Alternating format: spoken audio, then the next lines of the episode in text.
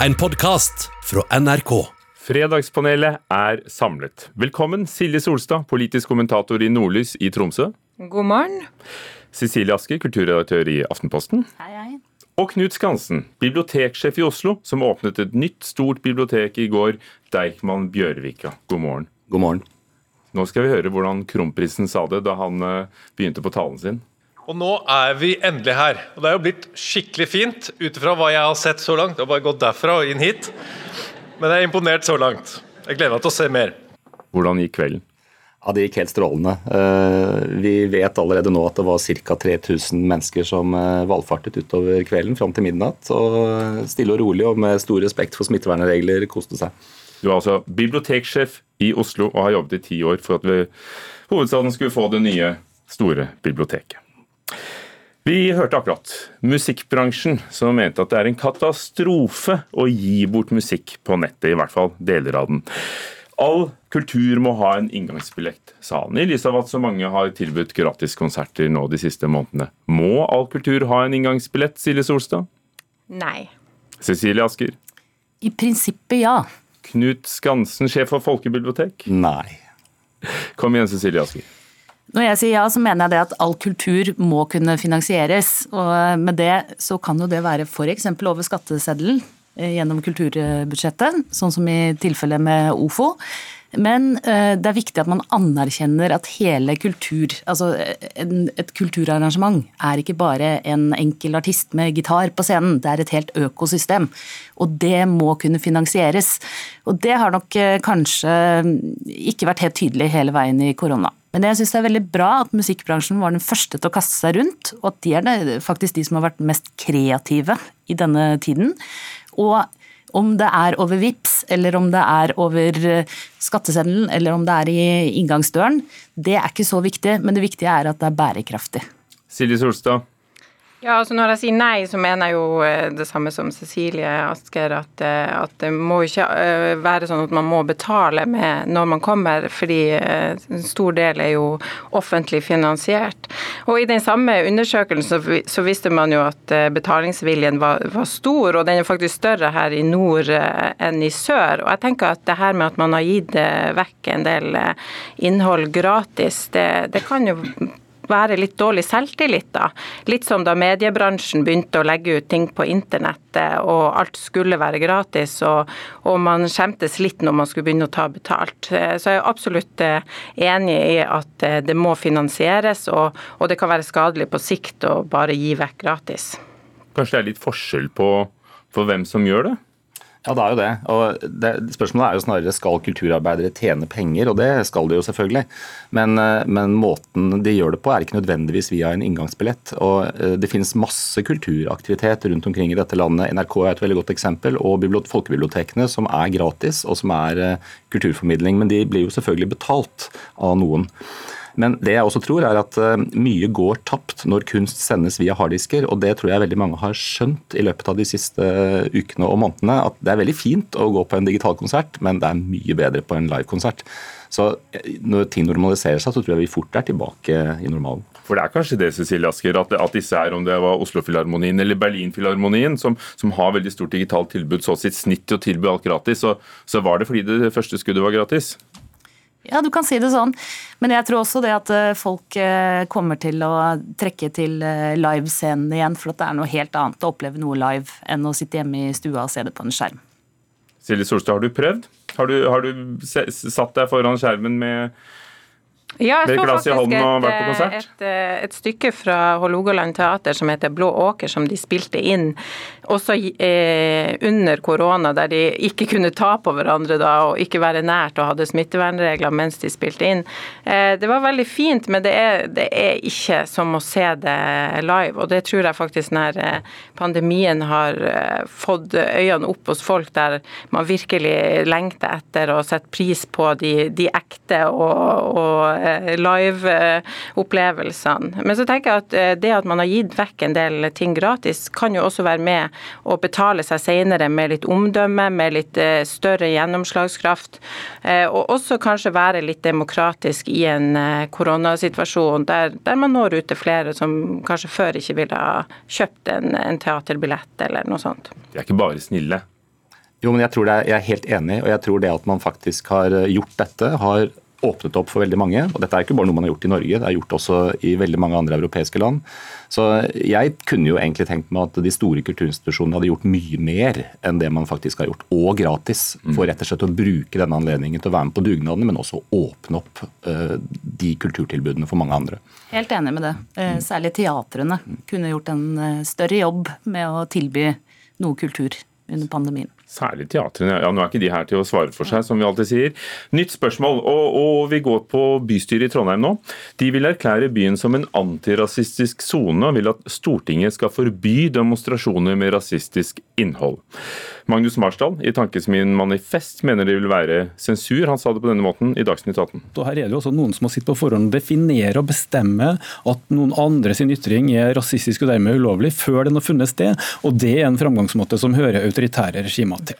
Også andre eksperter mener at dette strider mot Grunnlovens demonstrasjonsrett. Skal vi forby demonstrasjoner med rasistisk innhold? Knut Skansen? Nei. Silje Solstad? Nei. Cecilie Asker? Nei.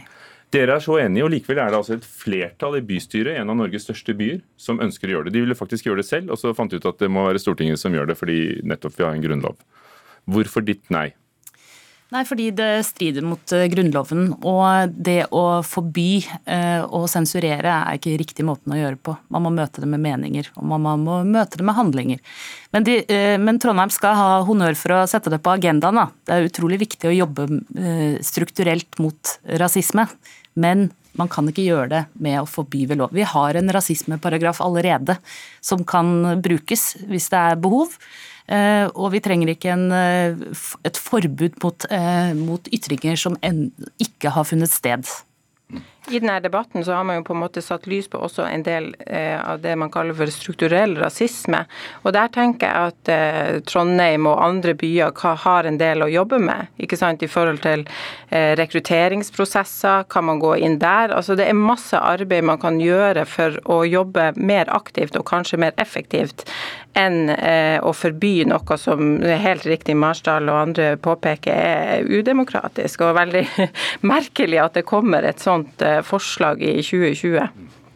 Ja, jeg er, også, jeg er, helt enig i det. og jeg, jeg, tror ikke det er veien å gå. Altså, eh, vi snakker her om Sian og andre organisasjoner som er dypt problematiske i verdisynet sitt og det de uttrykker. og Også i Deichman i Oslo har vi, har vi en pågående debatt rundt dette. du har stått midt oppi dette, du? Ja, absolutt. Og, og det, er, eh, det, er, vanskelig. Jeg har stor respekt for de som eh, syns dette er problematisk, både i det offentlige rom, men også i bibliotekene. Eh, jeg syns selv det er vanskelig, men vi sensurerer ikke ytringer før de fremsettes, og vi, vi, påtaler de snarere etterpå hvis de er et lovbrudd. Det er et grunnleggende prinsipp som vi er nødt til å følge. Og så kan man alltid si at for eksempel, Kan hvem som helst komme og få et møte? Nei, nei det kan de overhodet ikke. I den forstand at vi har to typer arrangementer i bibliotekene i Norge. Vi har åpne arrangementer der biblioteket er redaktør og ansvarlig for innholdet, og det, det har vi masse av. Eh, men eh, bibliotekene er også viktige møteplasser og arenaer for eh, hele det frie organisasjonsliv, ungdomspartier, andre som bruker bibliotekene til årsmøter og lukkede møter og styremøter og borettslagsmøter og masse rart. Men som du påpeker, dere har bøker ennå? Ja, det har vi. I høyeste grad. Silje Solstad, du er jo politisk kommentator og, og, og, følger det politiske livet. Hvordan forklarer du likevel at dette fikk et flertall da, i bystyret i Trondheim?